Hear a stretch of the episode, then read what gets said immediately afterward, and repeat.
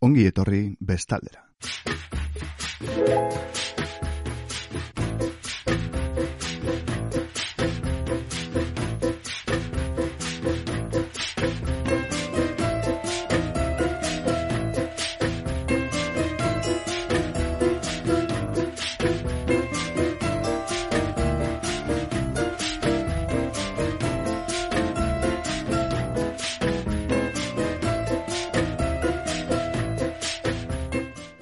Bestaldeko entzuleok zer modu zabete bestalde horretan. Espero dut alik eta oberen egotea. Gaur e, ostirala dugu eta gaur ere itxialdian segitzen dugu etxean alduenak eta lanean beste arremediorik ezin duenak.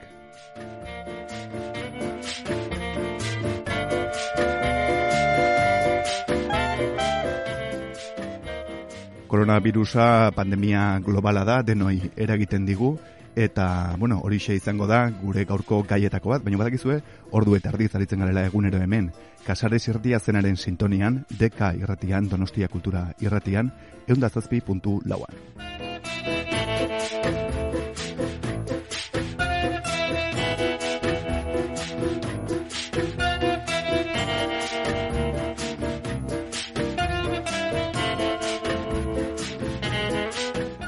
Atzo eguna laitu zidan eh, kantu bat e, entzun nuen eta bideo ere badago, ikusi nahi baduzue, Ugandatik dator eta Bobby Wine eta Nubian Lee dira artistak.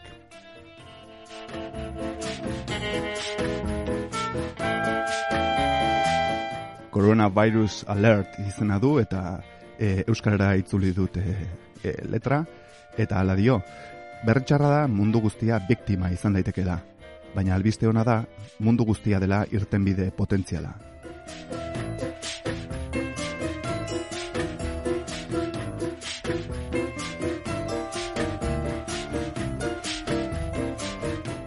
Koronavirusaren gaitza ez dugu harinki hartu behar, guztiok egon behar dugu erne. Ila labiziko kontua da, inoiz ezin duguna ziurtzat jo, denok hartu behar dugu ardura.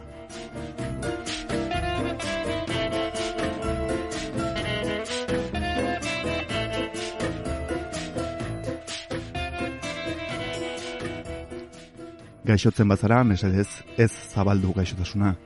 Jendearen gandik isolatu, izan zaitez aberkoia.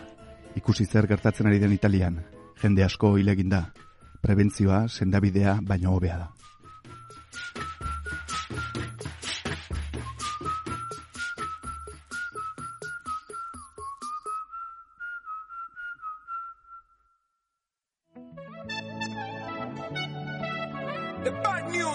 Everyone is a potential victim.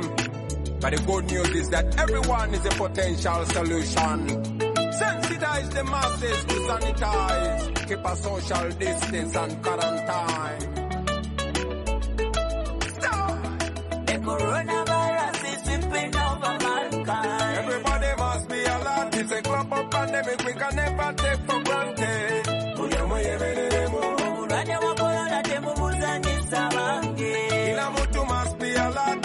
It's matter of life we can never take for granted.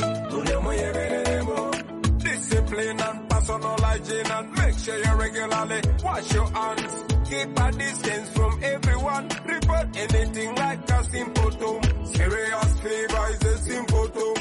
Dry cough is a symptom. Walk with tamula is a symptom. Itchy eyes and flu is a symptom.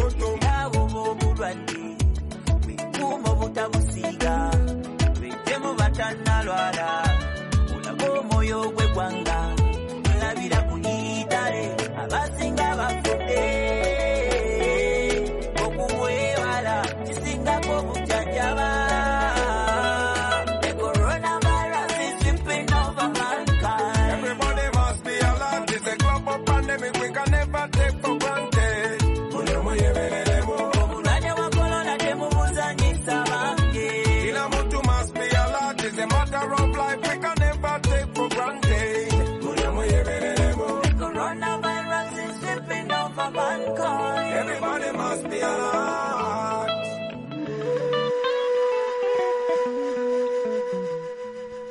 Bobby Wine eta Nubian Lee ziren hoiek Ugandatik eh, sekulako lezioa ematen.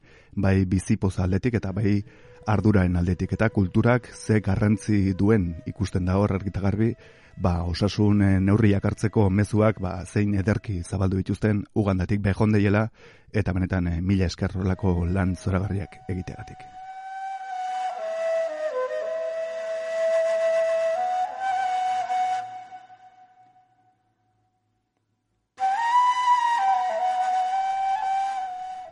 Antzerkiaren nazioarteko eguna martxoaren hogeita zazpian ospatzen da urtero. Egun horretan, mundu osoan antzerkiaren aldeko adierazpenak egiten dira, eta nazioarteko ospea duen idazle batek apailatutako testua zabaltzen da.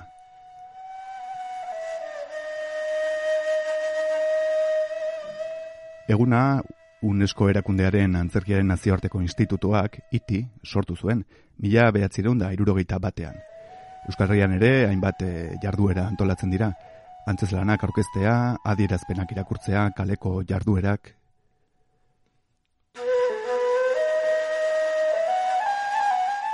Herriz herri antolatzen diren ekitaldiak eta ospakizunak eh, aldatu egiten dira. Esate baterako hemen Donostian, Victoria Eugenia Antzokian, urtero azken Donostia antzerki saria taularatu egiten da. Egun horretako ekintza nagusietariko bat, mundu mailan testu beraren irakurketa izaten da. Testu hori ospe handiko egile edo aktore ezagun batek egindakoa izaten da.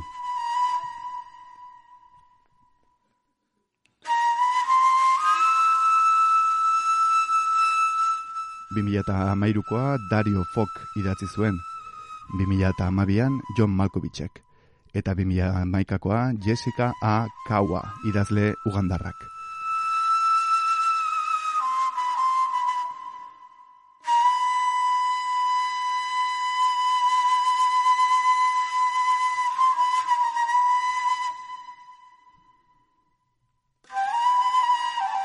Lehenengo mezua, mila batzeunda erurogeita bikoa, Jean Cocteau sortu zuen. Ekimenaren proposamena, itiren bienan ospatutako bederatzigarren nazioarteko batzarrean kaleratu zen.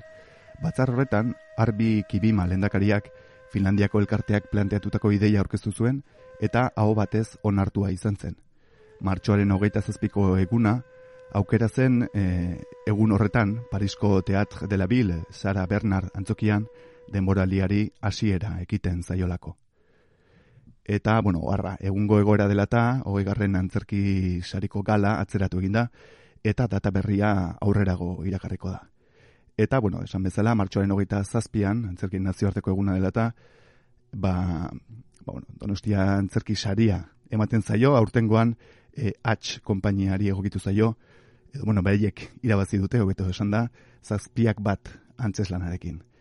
Eta, bueno, segidan irakurriko dizuet, e, aurtengo e, antzerkiaren nazioarteko eguna. E, egunerako e, idatzitako testua hain zuzen ere.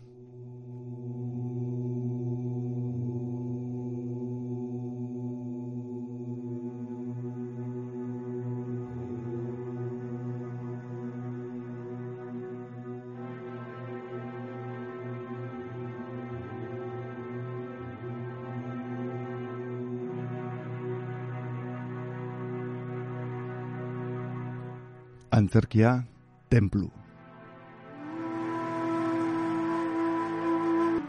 Shahid Nadim, dramaturgo pakistandarrak, Ayoka Theater e, talearen sortzaileak eta zuzendariak ideutu du horten eta itzulpena Iñaki Inurretarena da.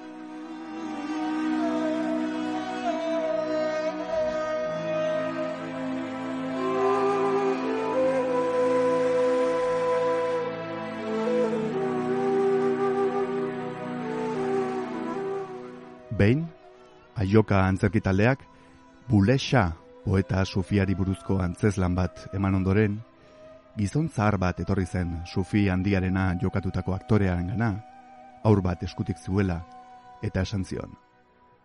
Nire biloba ez dago bat ere ondo, bedinkatuko altzenuke.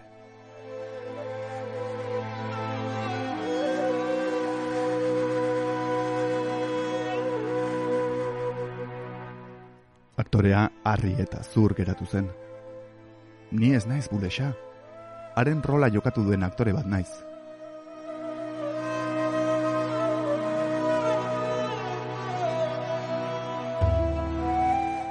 Zaharrak erantzun zion.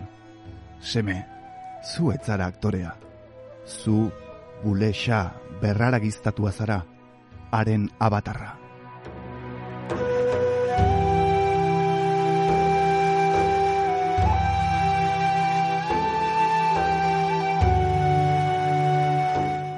Bapatean, antzerki kontzeptu guztiz berri bat agertu zitzaigun. Zeinaren arabera aktore bat jokatzen duen pertsonaiaren berraragiztapen bihurtzen baita. Bule xarena bezalako historiak arakatzea, horrelako historiak kultura guztietan baitaude, zubik isa erabileteke gu antzerki sortzaileon, eta ikusentzule ez aditu baina oso zaleen artean.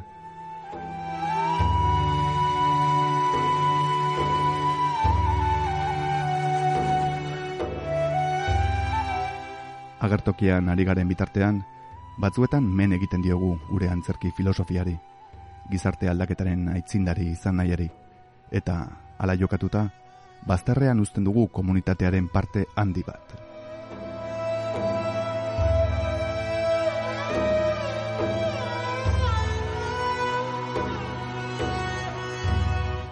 Orainaren desafioekiko konpromisoari utzi nahian, uko egiten diogu esperientzia espiritual sakon eta unkigarriak izateko aukerari. Eta antzerkia gai da alakorik emateko.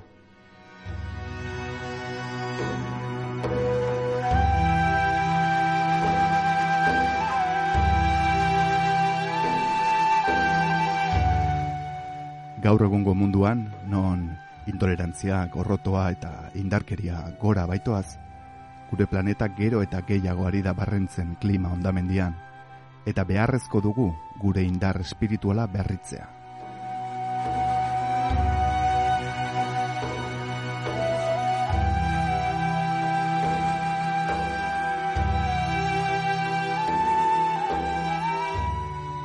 Beharrezko dugu borrokatzea apatiaren, lozorroaren, ezkortasunaren, dirugosearen eta bizigaren planeta honekiko mespretsuaren kontra.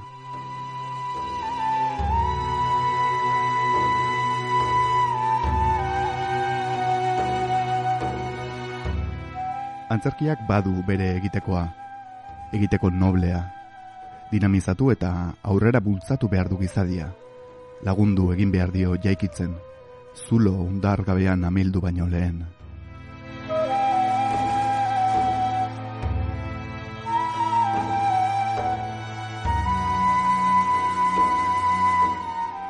Antzerkiak templu bihur dezake agertokia, zerbait sakratu bihur dezake jokagunea.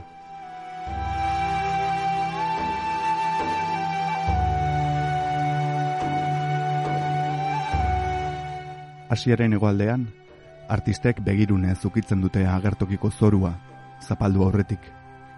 Antzinako tradizioa da, alderdi espirituala eta kulturala bat eginda zeuden garaietakoa.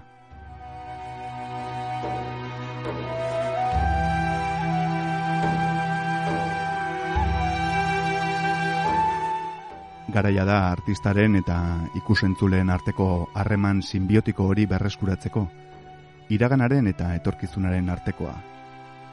Antzerkigintza ekintza sakratua izan daiteke eta aktoreak, hain justu, jokatzen dituzten rolen abatarrak bihur daitezke.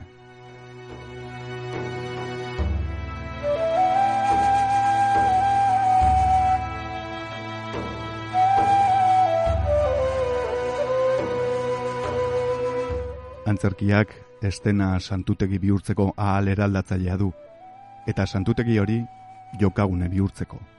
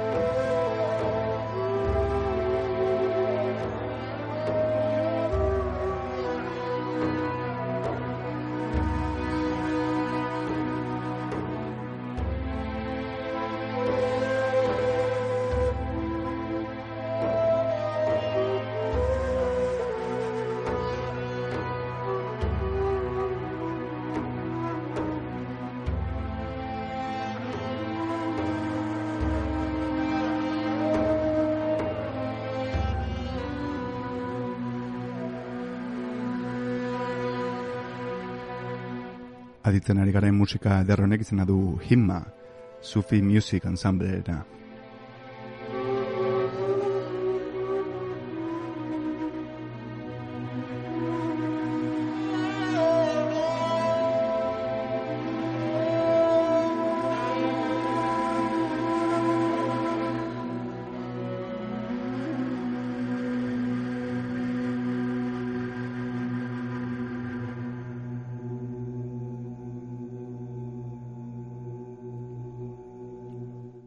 Eta segidan atzera ingo dugu denboran, 2000 eta mairura zuzen ere, antzerkiaren naziarteko eguneko mezua, esan bezala Dario Fok idatzi zuen.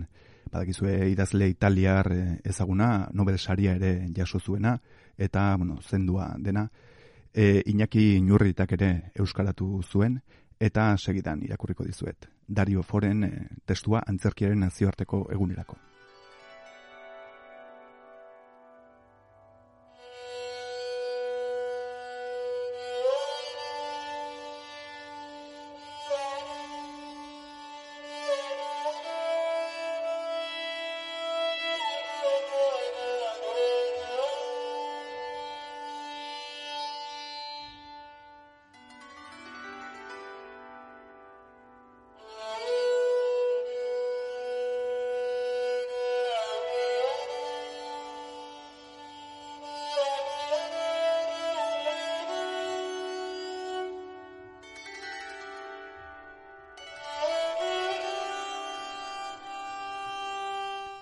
Aspaldi batean, botereak erabaki intolerante bat hartu zuen komedianteen kontra, eta herrialdetik kanporatu zituen.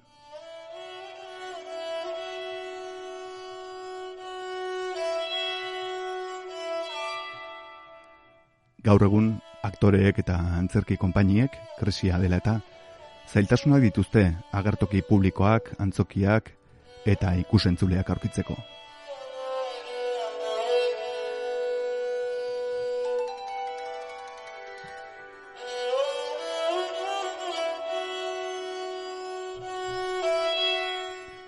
Ondorioz, orain agintariak ez daude kezkatuta.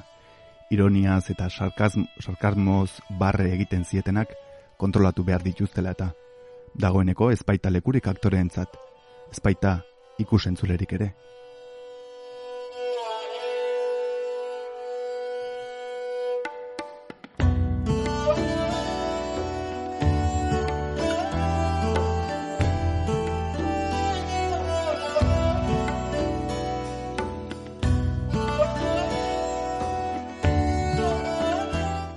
Italiako berpizkundean aliz, gobernatzen zutenek ahalegin handia egin behar izan zuten komedianteak arrastoan sartzeko.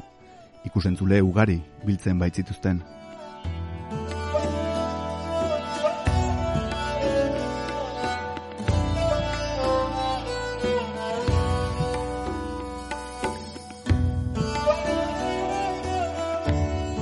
Gauza jakina da, komedia del arteko aktoreen exodo handia, kontrareformaren mendean gertatu zela. Kontrareformak antzoki guztiak desegitea agindu baitzuen, batez ere erroman, non salaketa larria egin baitzieten, hiri santua iraintzen zutela.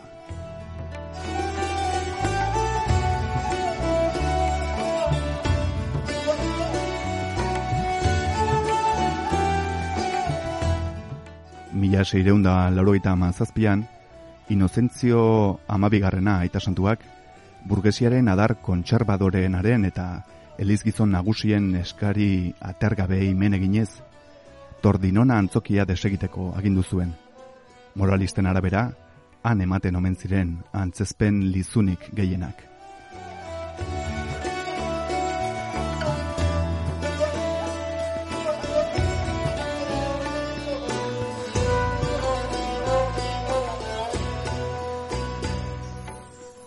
Kontrareformaren garaian, Carlos Borromeo kardinalak Italiako iparraldean ziarduela, Milango aurrak erridimitzeari ekintzion bete-betean, eta argi eta garbi bere zituen artea, hau da, ezkuntza espiritualaren adirazpide korena, eta antzerkia, profanotasunaren eta antukeriaren agerbi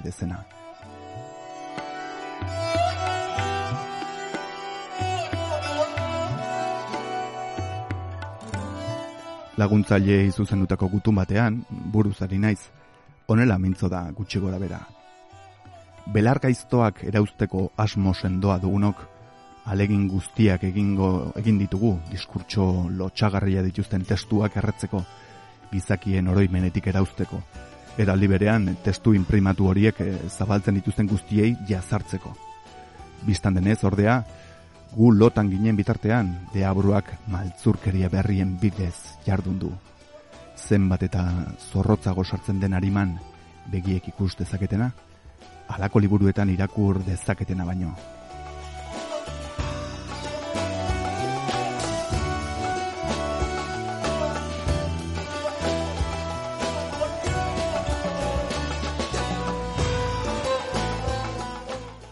Zenbat galgarriagoa den nerabe eta aurren gogoentzat, ahozko hitza eta keinu egokia, liburu batean imprimatutako hitz hila baino. Beraz, naita ezkoa da antzerki jendea gure hirietatik kanporatzea. Jendaila eta gizatxarrarekin egiten dugun bezala.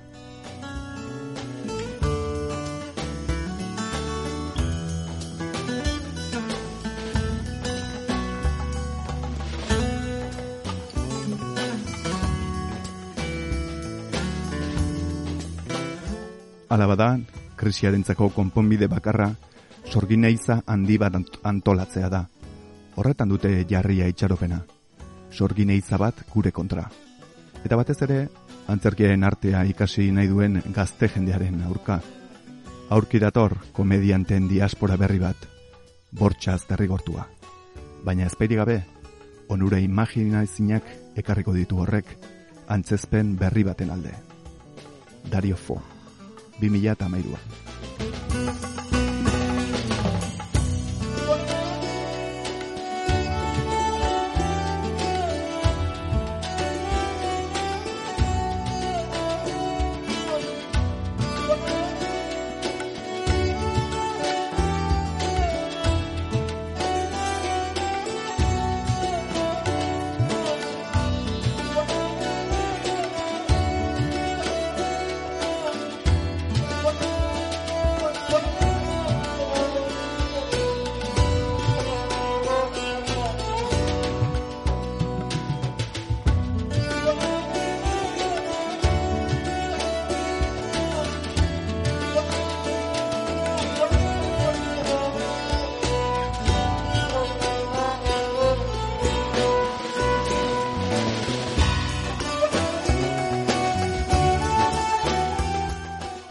Eta segidan, eh, bueno, Italian bertan eh, geratuko gara, hango, bueno, sarraski izugarria egia esan, eh, benetan izugarria da, baina, bueno, segidan, ohore egingo diot, eh, benetan maitea dudan herrialdeari, Italiari, kantu baten bitartez.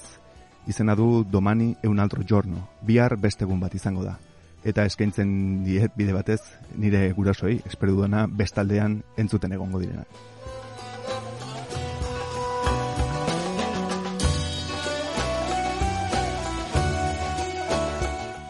Hitzek ala diote hasieran. Egun horietako bat da non malenkoniak harrapatzen zaituen eta gauera arte ez zaituen askatzen. Nire fedea oso aztoratuta dago orain, baina otoitz egiten dut eta nire baiterako pentsatzen dut. Saiatuko gara jainkoarekin ere, inoiz ez da jakiten.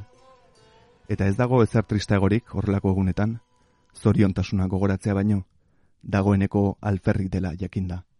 Errepikatu, nortaki, bihar bestegun bat izango da ikusiko da. Zuekin, Ornella Vanoni. Domani è un altro giorno. È uno di quei giorni che ti prende la malinconia che fino a sera non ti lascia più.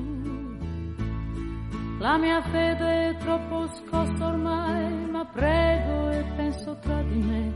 Proviamo anche con Dio, non si sa mai.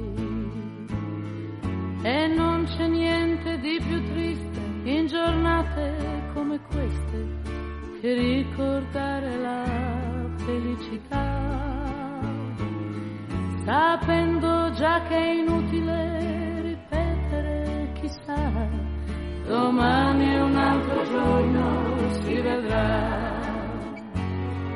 Quei giorni in cui rivedo tutta la mia vita, bilancio che non ho quadrato mai.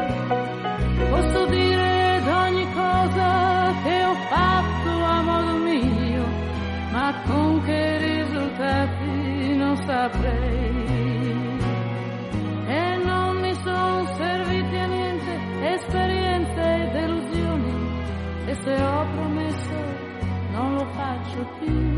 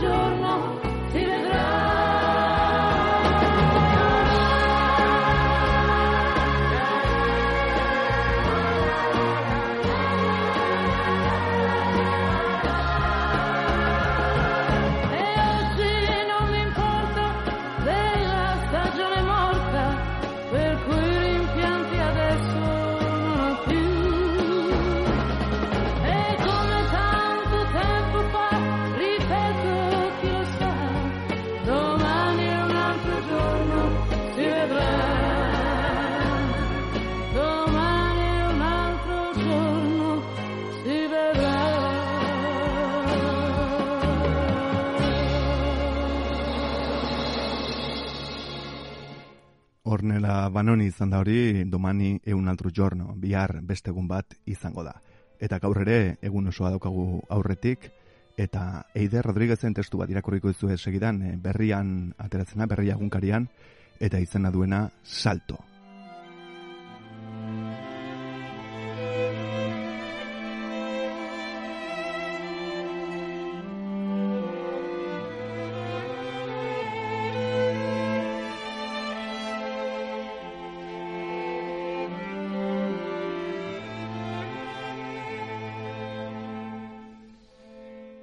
Begiratu leiotik.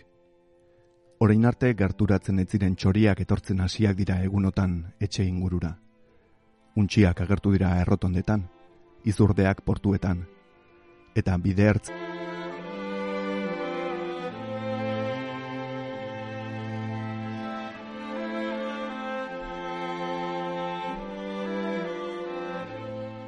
izan gaitezen animalia instante batez. Sentit ezagun ematen dugun beldurra, sortu dugun mundua. Begiratu orain leiotik barrura. Zer gara? Zer bilakatu gara? Zer izan nahi dugu? Zer emateko prest gaude? Zenbateraino utzi nahi ditugun estatuen eta borradunen esku geure bizitzak.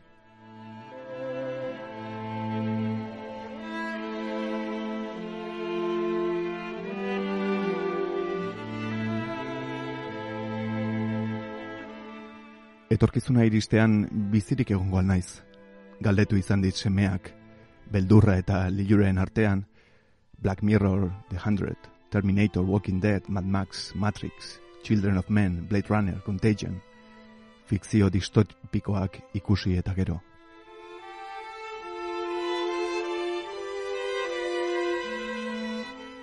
Nik baietz, eta etorkizuna hemen dagoenean gaztea izango naiz jarraitu berak. Eta orduan ez. Orain arte ez dut jakin, jakin izan, zer erantzun.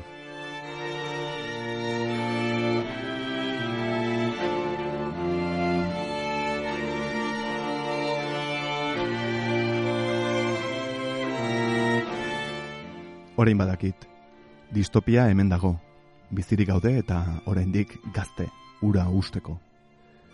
Ez eginen Eduardo Galeanoren hitzok soinean gerena matzala. Utopia hortzen mugan dago, bi pauso ibiltzen ditut, bi pauso urrutiratzen da bera, eta zeru ertza amar pauso aldentzen. Zertarako balio du bada utopiak. Horrexetarako, ibiltzeko balio du.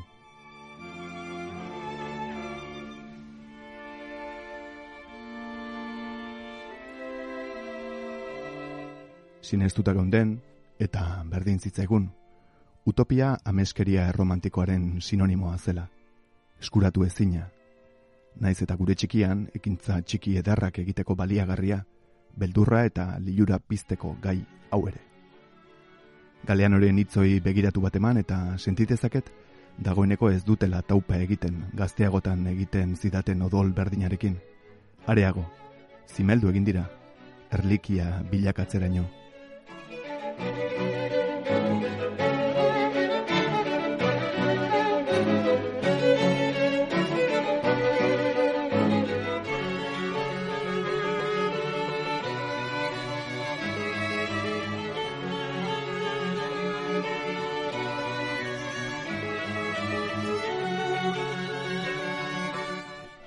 Orain ikusentzuzko plataformek lehen mundua aldatu nahi zuten argitaletxe eta zinemagileek ematen ziguten edukia ekoizten dute.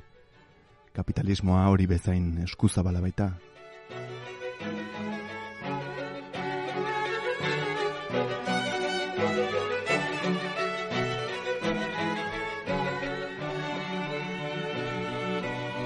Lehen, esnatu eta herrian eta munduan gertatu zena jakiteko premiari kafearekin laguntzen genion egunkaria aldean.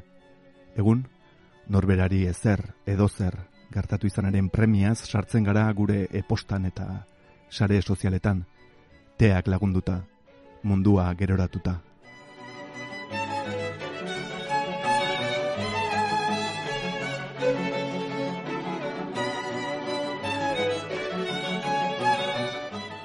Beinola eztarria urratu beharrean abestu genituen kantak, iparorratz genituen poema eta liburuak modaz pasa dira, galtza akampanatuak eta flekillo zurrunak nola. Ez bakarrik estetikoki baizik eta baita edukiz ere. Eta nostalgia eraso aldietan, baino ez ditugu erreskatatzen, ardoa eta gertuko lagunak konplize.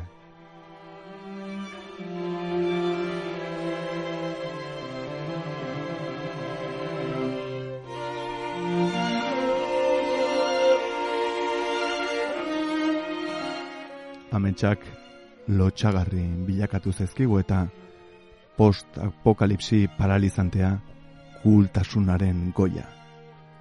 Etorkizuna hemen dago eta agian zaharkituta utzi ditu galean oren hitzak ere, eta utopia, distopia bezala, uste baino eskurago dugu.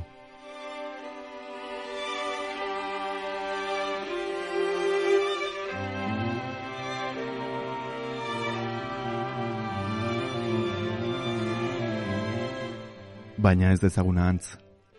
Distopiak irautzaileak izan daitezke eta utopiak alienatzaileak. Bakoitzarekin zer egiten eta elikatzen dugun da axola duen bakarra. Beldurra edo grina, totalitarismoa edo antolakuntza, autosalbazioa edo zaintza, nazisismoa edo niarentzako tokia uzten duen komunitatea, distantzia edo gorputza, bakartasuna edo elkartasuna virtualtasuna edo lurra, errealitatea edo irudimena, eriotza edo bizitza finean.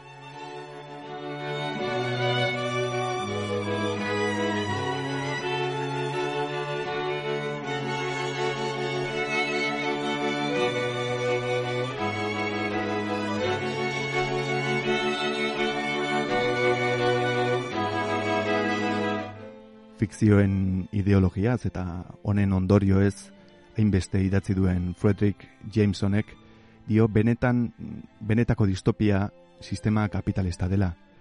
Eta makina gas erdira dagoen honetan aukera dugu hori ala den edo ez sentitzeko.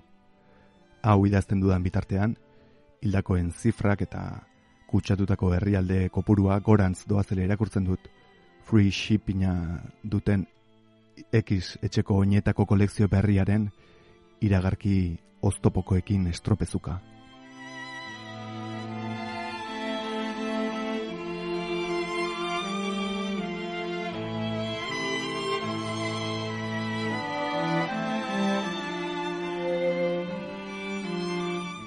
Geure bizitzan lehenengo aldiz, denoi batera gertatu zaigu zerbait. Ez emakumezkoei, ez pobreei, ez beltzei, ez homoseksualei bakarrik, baizik eta denoi. Begiratu leiotik barrura. Biharrik ez balego bezala jardutera ohitu gara, epe motz eta individualista batean, antolakuntzari alferrikako iritzita. Baina orain, bakardade geometriko hauetan, gelditasunaren magiari esker, akordatu gara besteaz. Akordatu gara aurrez, nerabez, zaharrez, eta adin horien erdian gauden e, supergizon emakumeez, baserritarrez, abeltzainez, grebalariez, Joaquin eta Albertoren senidez, hiperaktiboez, psikotikoez, neurotikoez, emakume eta aurra abusatu ez, alkoholiko ez, artistez, supermerkatuko langile ez, osasun gintzako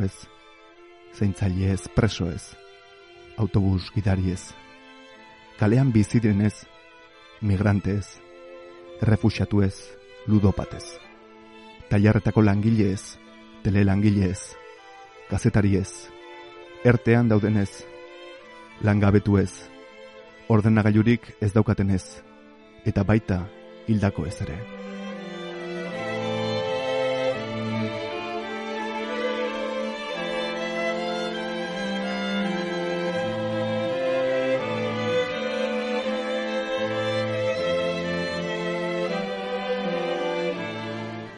Bagenekiena sinesten hasi gara.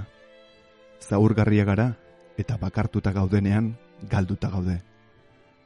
Hau amaitzen denean, gure mundua eta askatasuna prekarioagoak izango dira, baina behera, berehala aztuko zaigu. Batez ere soldatari eusteko zortea izango dugu noi. Gutako asko lanera itzuliko gara, eta txoriak, oreinak, izurdeak eta untxiak klandestinitatera itzuliko.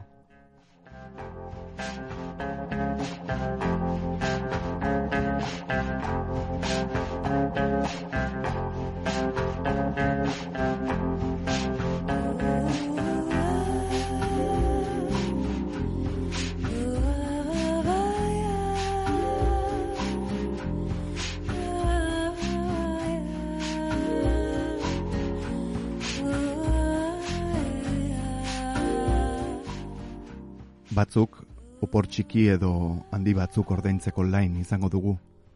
Beste batzuk galdutakoa berreskuratzen jarriko dute indarra. Bien bitartean, balkoietara ateratzeko beharra sentitu dugu. Omentzera, oiu edo zaunka egitera, kantatzera. Bizilagunekin bingoan jolastera, arantzago begiratzera. Ez ezaguna antz baina, geranio zapainduta egonagatik, balkoiak ere esiak direla.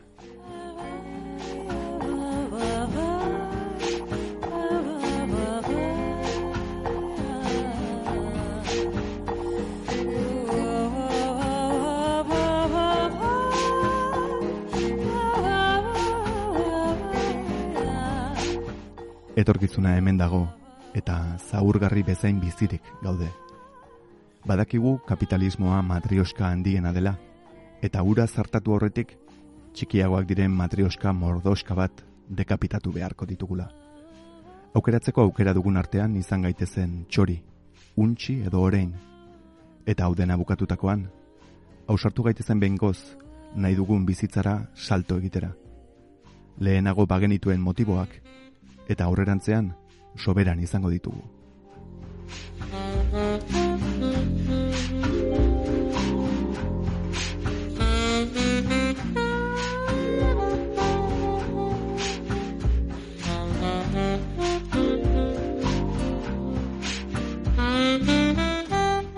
Eide Rodriguezen testu zoragarria berria egunkarian eh, argitaratua, bide batez behondeiela kazetari guztiei egiten ari den lana izugarria baita.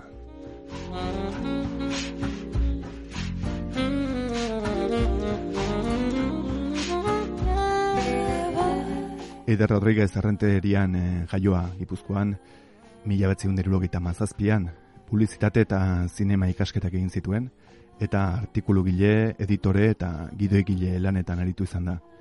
Gaur egun EHU Euskal Herriko Unibertsiadeko irakaslea da.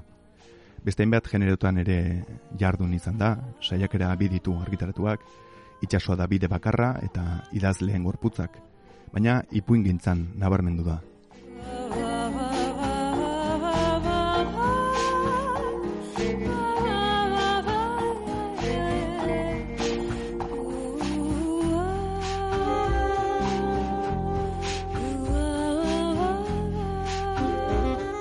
Eta handik eh, gutxira gaur izan zuen lehen narrazio liburua, eta haren ondotik aragia, katu jendea, eta bihotz handiegia plazaratu zituen. Azken horrekin, 2000 emezortziko Euskadi saria irabazi zuen Euskarazko literaturaren atalean, baita urte bereko aurre eta gazte literaturaren alor, arlokoa ere, Julen Ribas ilustratzailearekin batera ondutako Santa Familia komikiagatik.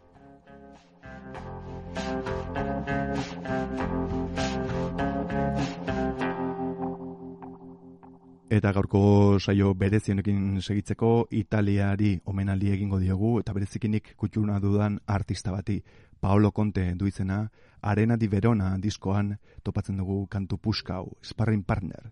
Eta nik pertsonalki eskaintzen diot Alboka tabernako Jon tabernariari izan ere hainbat aldiz babes eman digu hainbat e, kulturgileri bere tabernan eta musika hau askotan jarri izan du bere tabernan, Alboka tabernan.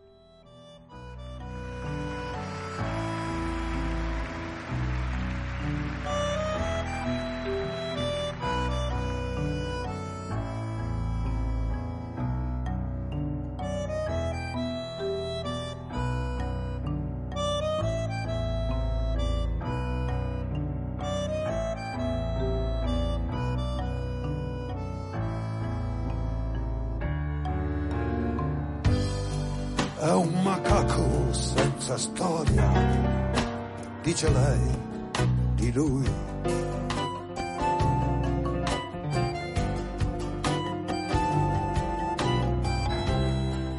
Che gli manca la memoria in fondo ai guanti bui.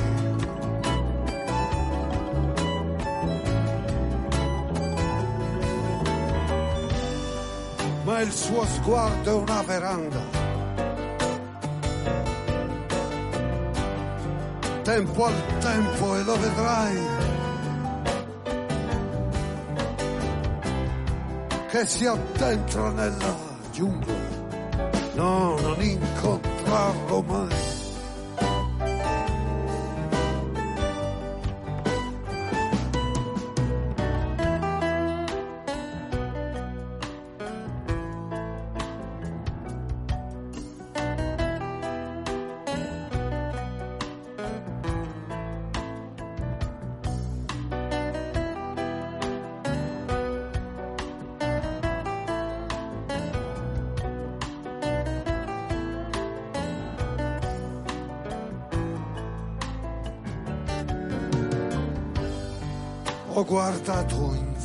Gioco, tutto qui, ma sai,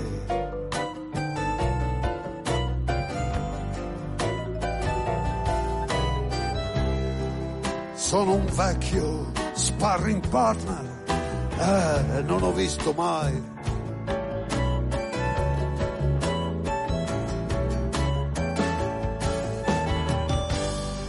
Una calma più tigrata,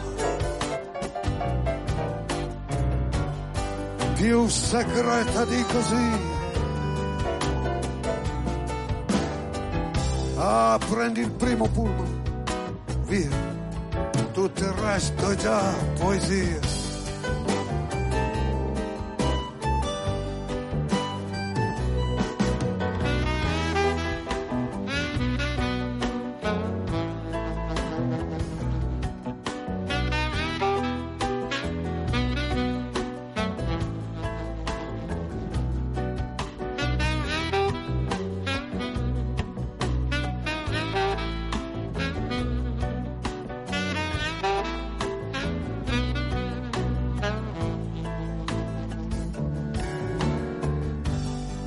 avrà più di 40 anni e certi applausi ormai.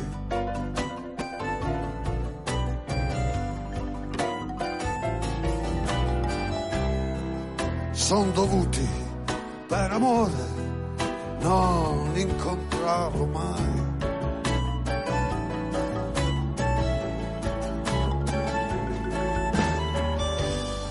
Stava lì nel suo sorriso a guardare passare i tram. Vecchia pista da elefanti, stesa sopra il macadam.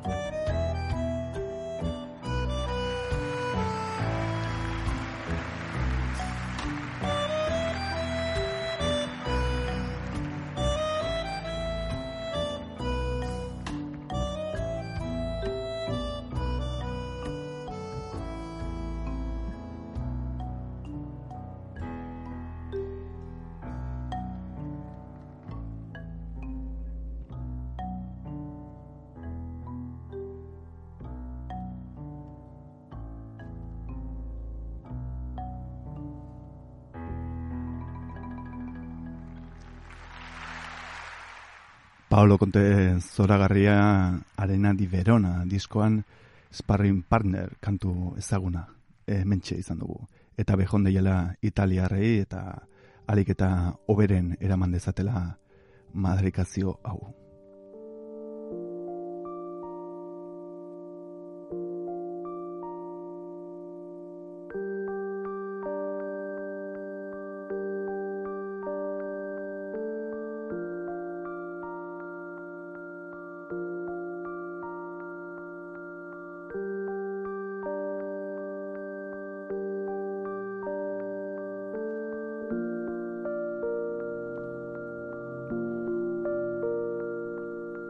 Eta orain BB agendari ekingo diogu, alegia bertan bera geratu diren ekitaldien e, errepasoa egingo dugu, hain zuzen aitortza egiteko horiek denak antolatzen, aritu den e, jendeari antolatzen eta sortzen, noski.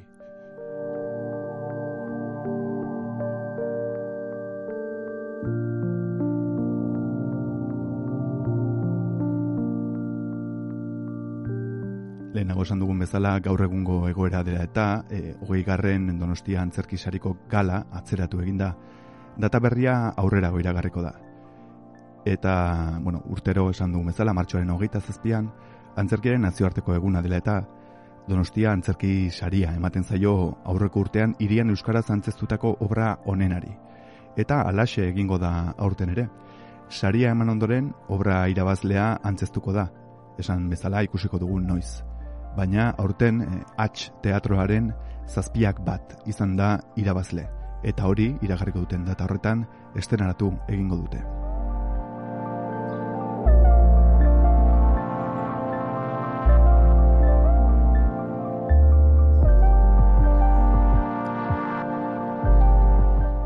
Nondik dator gizakiaren gaiztakeria? Berezkoa da? Ekidin ezina da?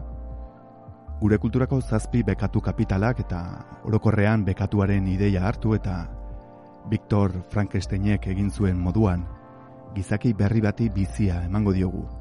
Groteskoa, basatia, gupidagabekoa.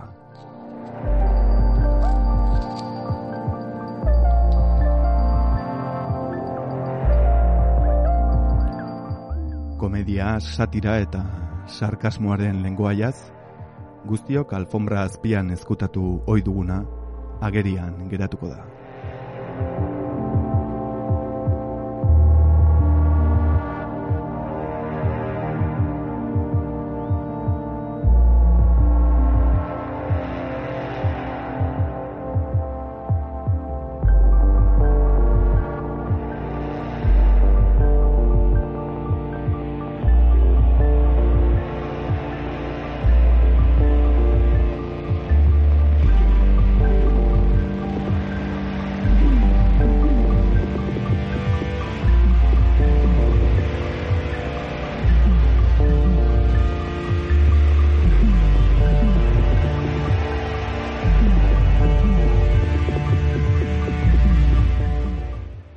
Entzuten egaren musika zoragarri hau testura izeneko taldearena da eta bi izena du zenbaki erromatarrez idatzia.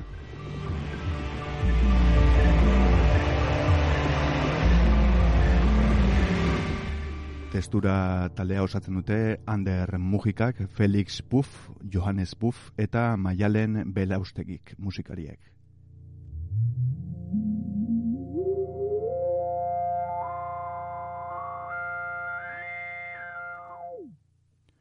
Eta entzungai duzue esate baterako Bandcamp e, bereien e, horri aldean eta hor ere ba, bueno, diskoa erosteko aukera dago eta baita donazioak egiteko ere nahi balu duzue. Aurretik e, aditu dugu ba lanesku kuarteten kantu bat eta segidan e, ba este bat sartuko dugu izena duena Autobahn.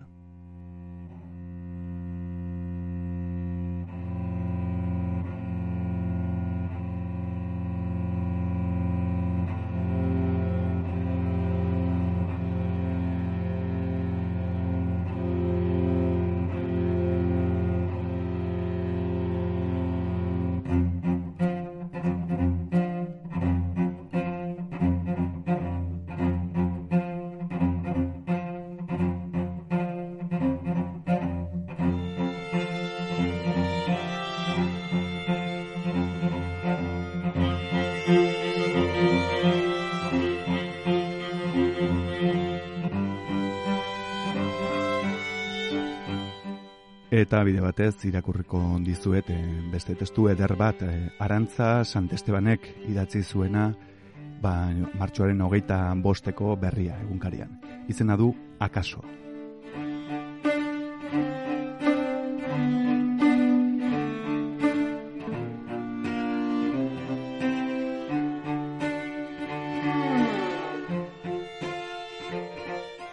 Munduari harriduraz begiratzen diogu egun hauetan gure egunerokotasunak eztanda egin du.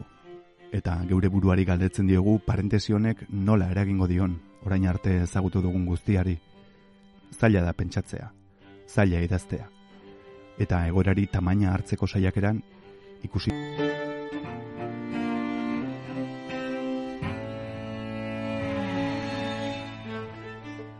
Iaz, e, osasunaren mundu erakundeko zuzendaria den e, Tedros Adanomenak, pandemia bet berri baten arriskuaz ohartarazi bazuen ere, etzen alako neurriko ezer espero. Eta ageriko gertatu denez, mundua ez genuen prest alako zerbaiti erantzuteko. Bere esanetan, arazoa etzen pandemia bat egongo otezen jakitea, baizik eta noiz iritsiko zen asmatzea. Dagoeneko ez da asmatu beharrik.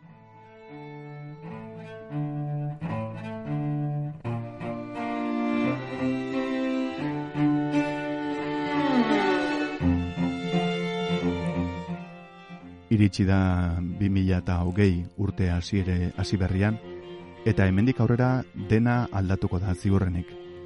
Aldatuko dira mundua antolatzen duten eh, paradigma orokorrak. Hori da galdera. Akaso eta aldatuko ez badira ere hizkuntzari dagokien ez bederen kategoria zaharkitu batzuk labain egiten ikus ditzakegu aurrerantzean. Lehenengo mundua, hirugarrena, mendebaldea eta ekialdea, kontzeptu ezberdinak agertuko dira mundu global honetaz hitz egin izateko.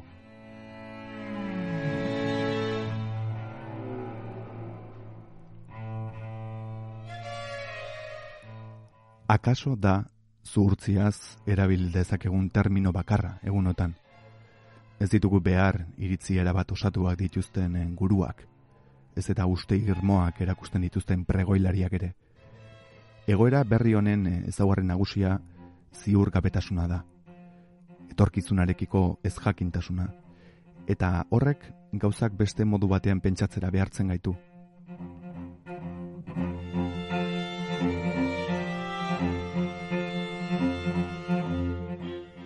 Ziur gabetasunaren erdian, gure pentsaerak ostilatzailea izan behar duela esan behar genuke? Akaso bai? Eta baliteke hau izatea krisialdi honek erakutsi aldigun zerbait. Modu dikotomiko eta dogmatiko batean pentsatzea baino, erradikala izan daitekela gure pentsamendua une batez kulunkan izatea. Alde batetik bestera. Ziur gabetasunean eta erantzun berrien bila.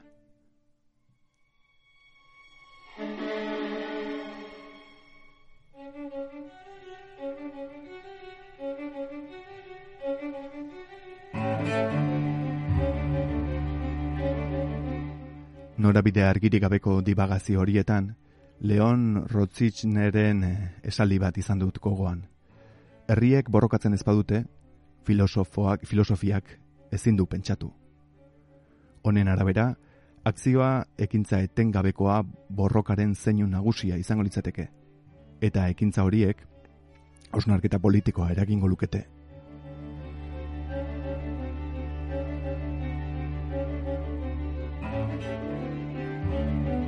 Barkatu hautsi gabe geratu naiz eta une batez.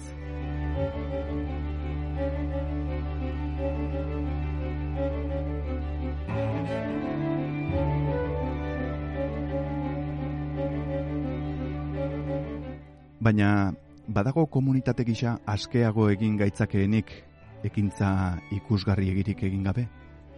Badago zerbait egitea ezerrez egite moduko honetatik.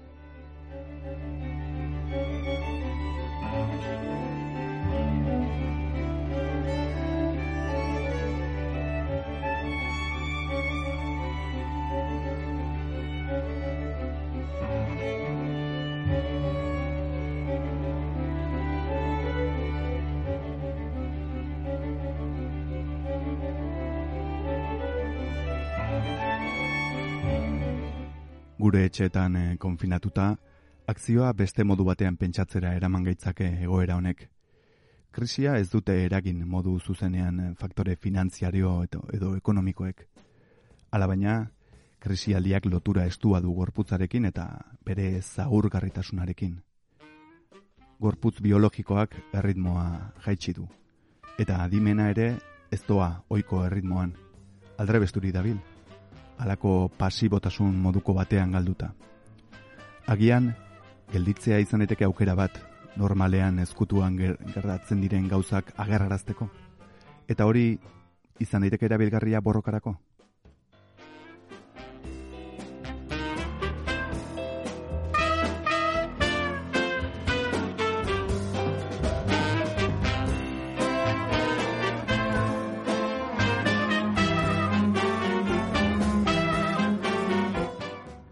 Organismoa, biologikoa eta soziala, saturazioa murgildu dugu azken amarkadetan.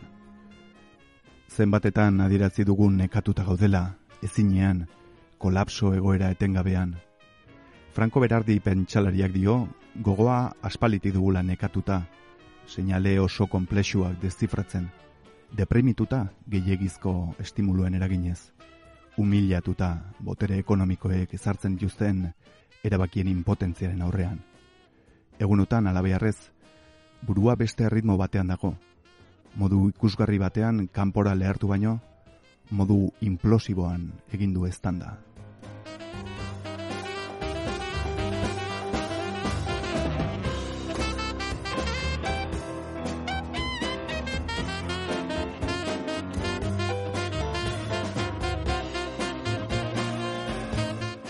Gure abilezia eta muga guztiekin, aukera bat dugu hainbat gauza bir pentsatzeko.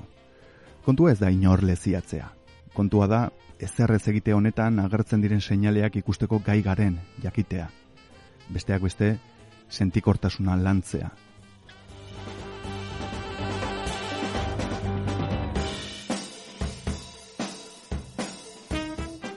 Ezkerreko pentsamenduan hain bogan dagoen errealismo pesimistak ez du zentzurik. Ez eta akzioa ezinbestean aldarrekatzen duen ikuspegi utopista bat ere. Funtzionatzen ez duten gauzekin kritikoa ez dena. Ostilazio oriente ostu inguruan, bada sentsibilitatea zitze egiterik modu politiko batean, keinu politiko gisa.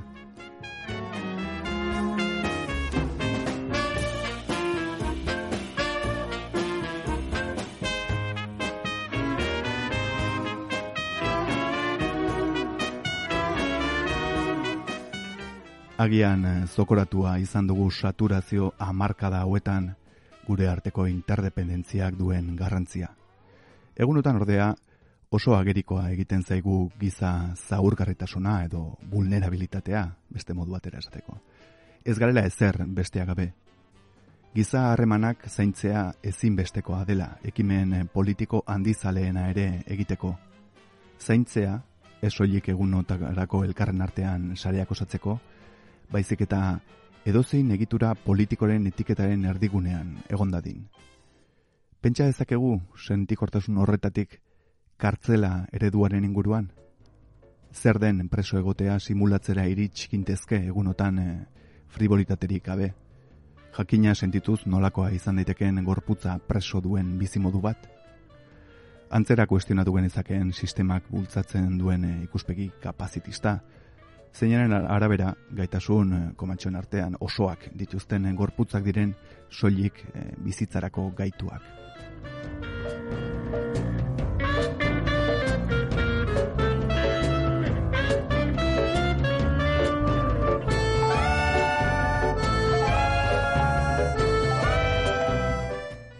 pentsa dezakegu sentikortasun horretatik kulturak duen garrantziaren inguruan? Arrazoin amendu marxista ortodoxoaren gainegituraren eta azpiegituraren e, logika hori zalantzan jar dezakegu pentsatuz. Kulturak baduela bizitza den espazio komun honetan eragin zuzenik hori da galdera. Hizkuntza behar dugula bizilagunarekin hitz egiteko, kode komun eta afektibo bat besteen beharrak ulertzeko keinu jakin batzuk laguntzeko. Eta agian, ekonomia eta kultura, ez daudela hain urruti, akaso.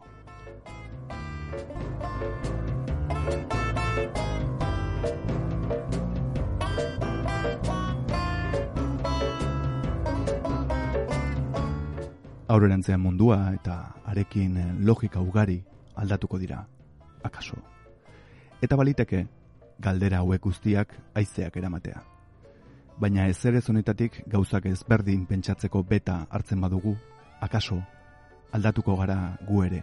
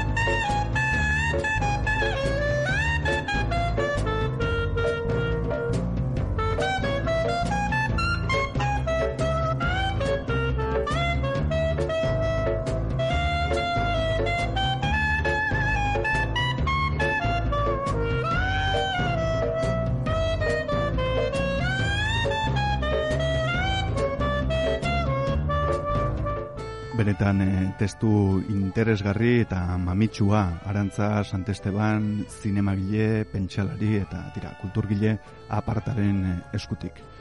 Ba, badakite hori hori denak e, digeritzea ez da lerxa, hortaz e, orain musikarekin segituko dugu eta musika, bueno, beti laguntzen gaituen musika da mastreta, entzuten ari garen doinu hau, ba, Nacho Mastreta izeneko musikariak sortu zuen.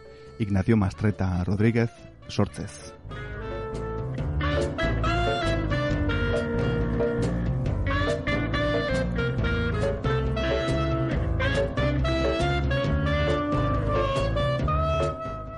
Mastreta izeneko musika proiektua gidatzen du, mila behatzirun da laurogeita emezortzitik, ez da bat ere makala hogeita bi urte dana matza martxan. Eta hainbat eh, soinu banda egin izan ditu, besteak beste Asfalto, eh, El Gran Vázquez, eh, Looking for Fidel eta Muchos hijos, un mono y un castillo.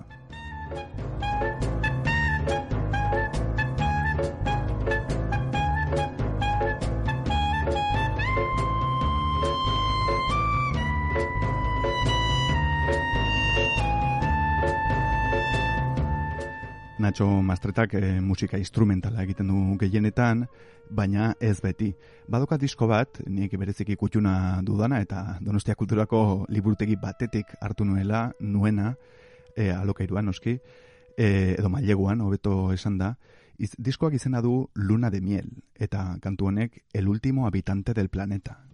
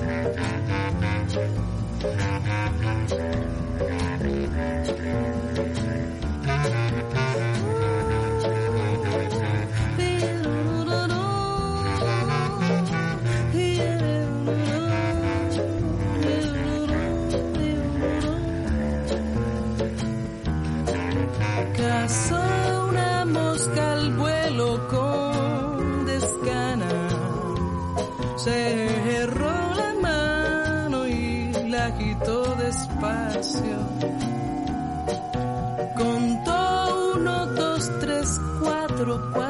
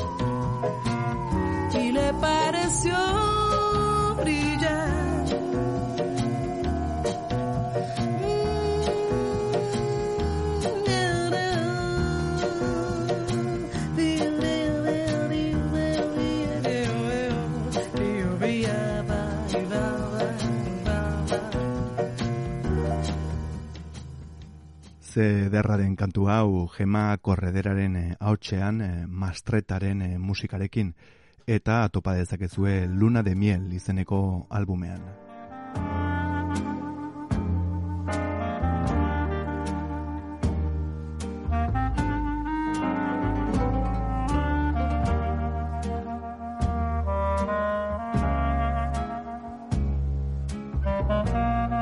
Eta beste doinu bat, e, ba, sarritan lagundu izan gaituena, da hause, emblema egin izena du, Paolo Conteren, e, bueno, kasu honetan instrumentala den e, Amazing Game diskotik hartua.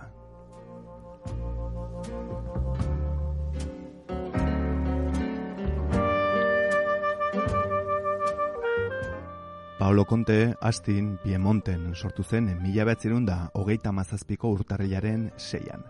Alegia aurten bete ditu laurogeita hiru urte. Italiar eh, kantautore, abeslari eta musikagilea da.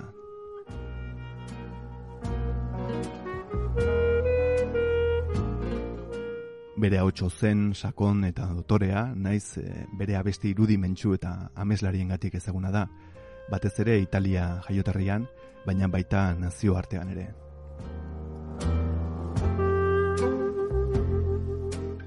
Nagusiki bere musikak mediterranear eta italian abesti gintzan e, errotu egon arren, jazz eta blues generoetan e, bueno, eragin handia du. Bere abesti ezagunenak e, atzurro, biakon me eta bar dira. Nik hause jarriko izuet. Sotto le del jazz.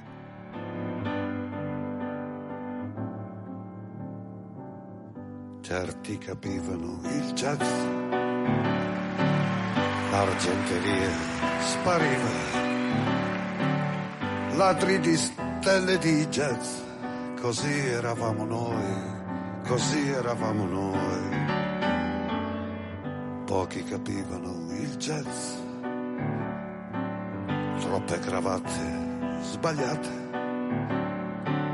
Ragazzi scimmia del jazz, così eravamo noi, così eravamo noi.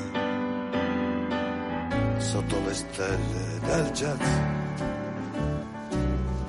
Quanta notte è passata. Marisa svegliami, abbracciami. È stato un sogno fortissimo. Le donne odiavano il jazz.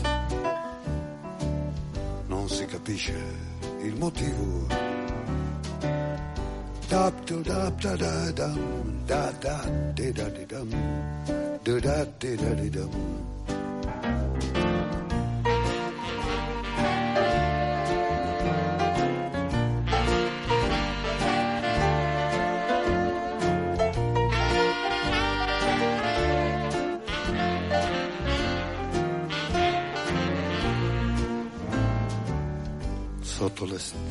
del jazz. Un uomo scimmia cammina. O forse balla chissà. Du da du da di da du da du da di da due millenni nel jazz. Ma non si capisce il motivo.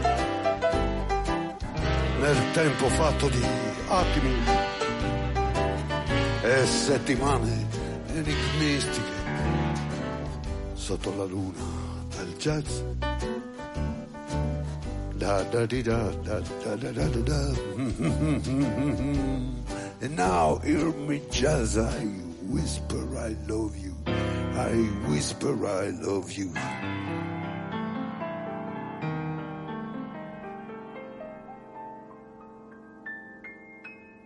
Yes, sir.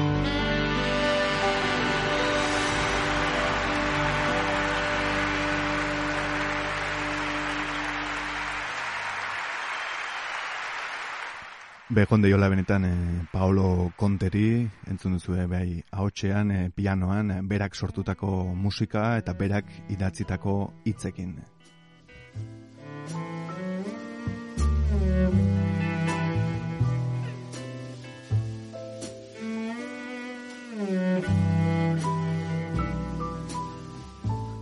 Eta hauxe ere da sarritan jartzen dugun doinu bat, mastretaren, e, mastretaren musika da noski, eta izena du una vida de artista. Topa dezakezue El Gran Vázquez e, filmaren soinu bandan.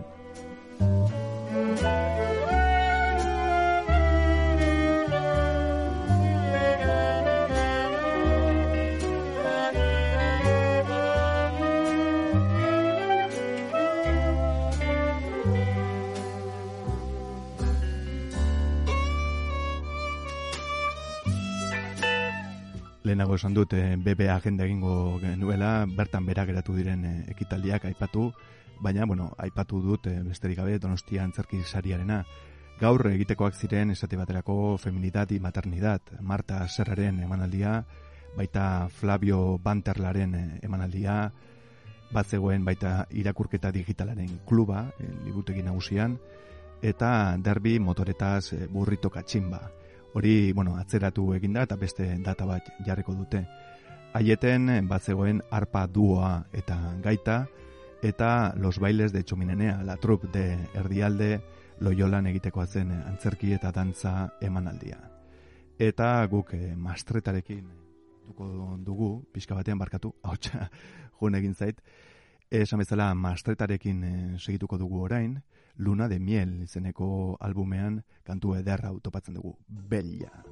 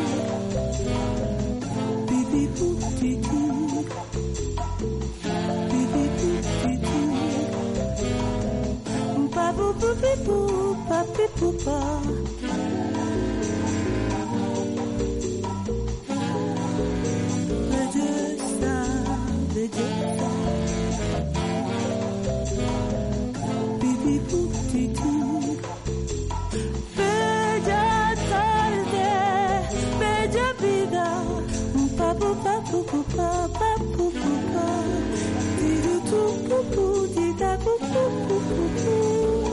bella vida,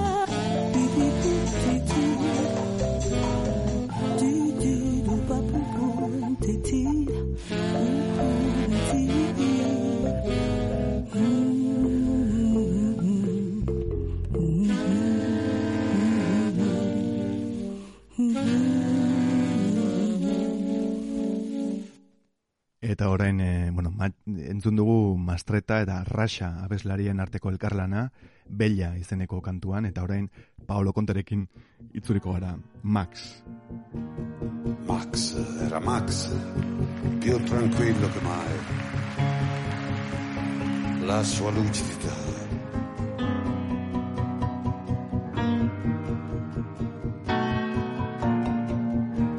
Smettila, Max.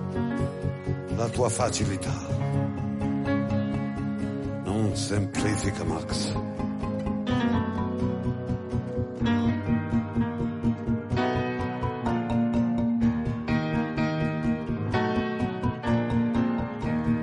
Max non si spiega, fammi scendere Max. Vedo un segreto avvicinarsi qui, Max.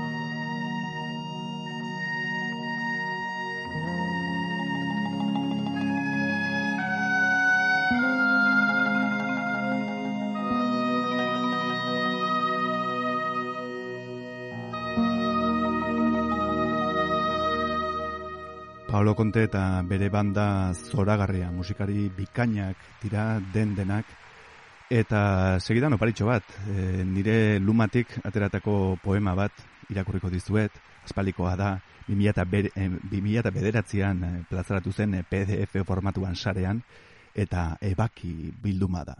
Hortaz, e, segidan e, garreko dizuet, argazki bat belainoan e, izeneko taldearen musikarekin, abestiak izena du Jaguar, eta poemak izena du lerro gainean puntua. Esan bezala, Jon Olano naiz ni eta bilatu nahi baduzue, bilatu Jon Olano ebaki. 2000 bederatziko e, bilduma da, bat bada e, errenderiako edo eretako Mikel Azulo elkarteari esker ateratako poema bilduma. Lerro gainean puntua.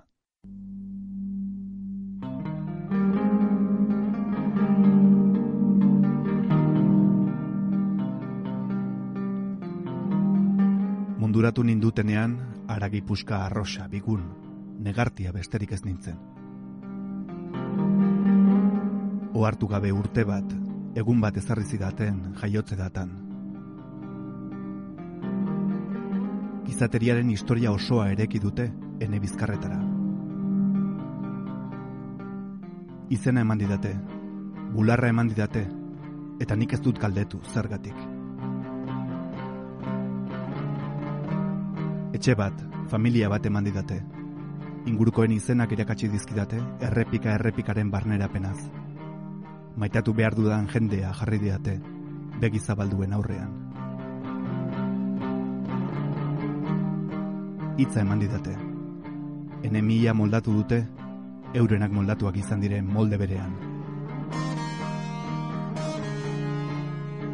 Ibiltzen irakatsi didate, pauso bat bestearen aurrean jartzen. Baina nek ez ikasi dut, zein pauso jarraitu behar den. Zein azkar ezabatzen den pauso oro.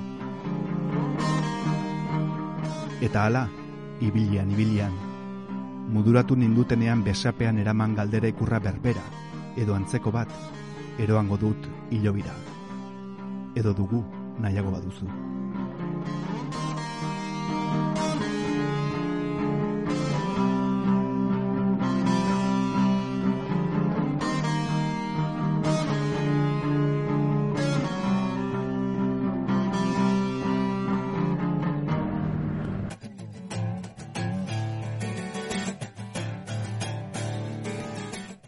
Orain bai iritsi zaigu saioa agurtzeko tenorea, beti egiten dugun bezala amairugarrena, bueno, beti edo askotan, amairugarrena izeneko kantua da hau, Asier Oleaga da sortzailea eta kantuz katerba da diskoa.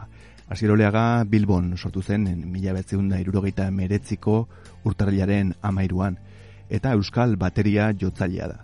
Musika klasikoan ezia, laster rock eta bereziki jazz estiloetara lerratu da hainbat taldetako partaide izan da, Nevermind Trio eta Trizak besteak beste. Eta ikaragarria da Asier Oleagak duen diskografia. Zenbat diskotan parte hartu duen, e, sortzaile gisa, laguntzaile gisa, Wikipedian daukazu edena, Euskarazko Wikipedian, berrogeita zortzi dira e, berak parte hartu duen diskoak, ez? Ikaragarria Asier Oleaga, ikaragarri musikari ona da, donostian bizi da, donostiarra, beraz, donosti hartua, esan dezagun, eta behon diola benetan, asier oleagari.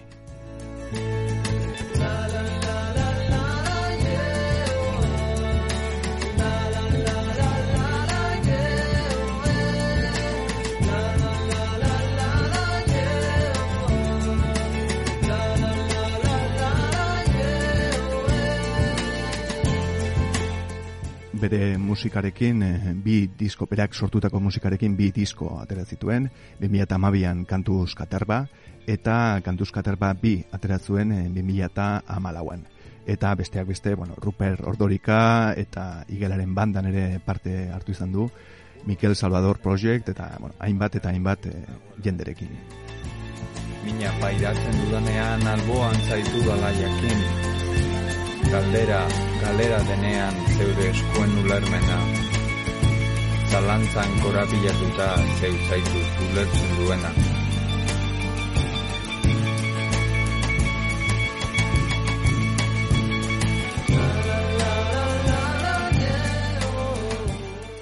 Eta zuri, entzule, animo eta mila esker, bestaldean egoteagatik. Badakizu bihar ere hementxe izango gaituzula, bihar larun bata musika klasikoa izango dugu, badakizu ere Donostia Kulturak sarean baduela eskaintza, eta hemen segituko dugu guk Donostia Kultura erratian, deka erratian, kasarez erratia zenaren sintonian. Jon Olano Carlos nauzue, eta hau plazera izan da. Ondo ibili, baina batez ere, ibili.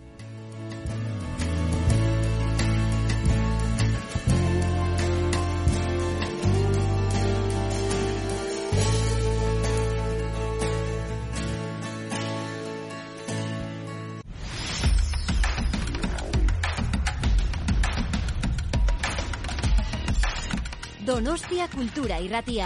Zabaldu gurekin Donostialdeko kulturaren leioa.